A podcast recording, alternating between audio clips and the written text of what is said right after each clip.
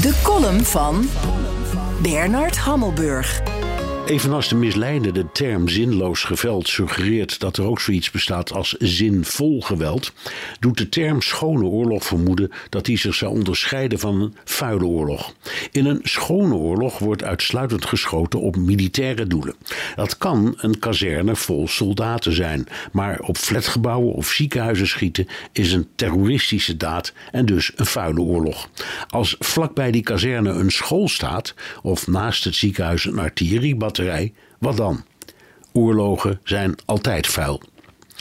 In november 1940 bombardeerden de Duitsers de Britse stad Coventry.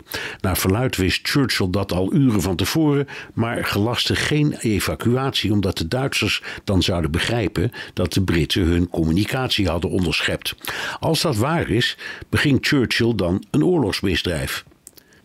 In februari 1945, toen Nazi-Duitsland feitelijk al had verloren, gooiden de Britten en Amerikanen Dresden plat.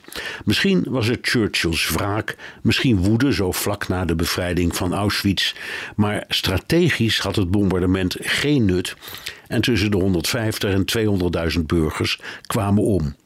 Oorlogsmisdrijf? Een vuile of schone oorlog hangt niet alleen af van de geraakte doelen, maar ook van de gebruikte methodes.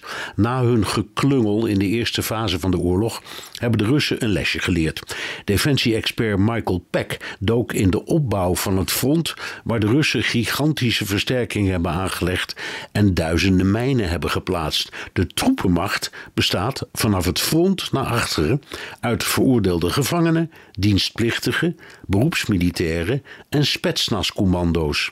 Aan het front staat dus opofferbare infanterie, kanonnenvlees dat voor de glorie van de Rodina, het moederland, de dood in wordt gejaagd.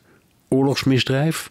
Eric Miller van de Amerikaanse denktank RAND onthult in de Moscow Times de schaduwzijde van de Oekraïnse inzet. Sinds 2014 vechten milities uit Tsjetsjenië, Rusland en Belarus mee, niet omdat ze warme gevoelens koesteren voor team Zelensky, maar om hun eigen ambities te verwezenlijken. De Tsjetsjenen willen onafhankelijkheid, de Wit-Russen willen Lukashenko omleggen.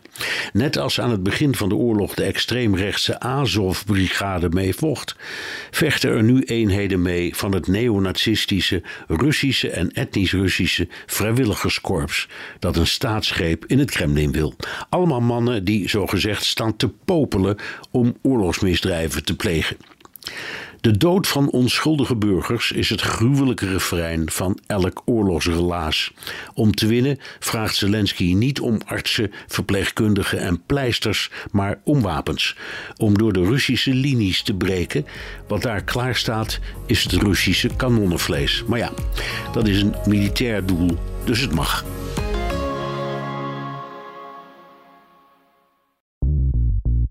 BNR ben je altijd als eerste op de hoogte van het laatste nieuws. Luister dagelijks live via internet. Jelle Maasbach. Wesley Weert. We zijn er voor je met het leukste, opvallendste, maar natuurlijk ook het belangrijkste nieuws. Tijdens de presentatie van die halfjaarcijfers toen die beurskoers in elkaar kukkelde. BNR Beurs. Voor de slimme belegger. Blijf scherp en mis niets.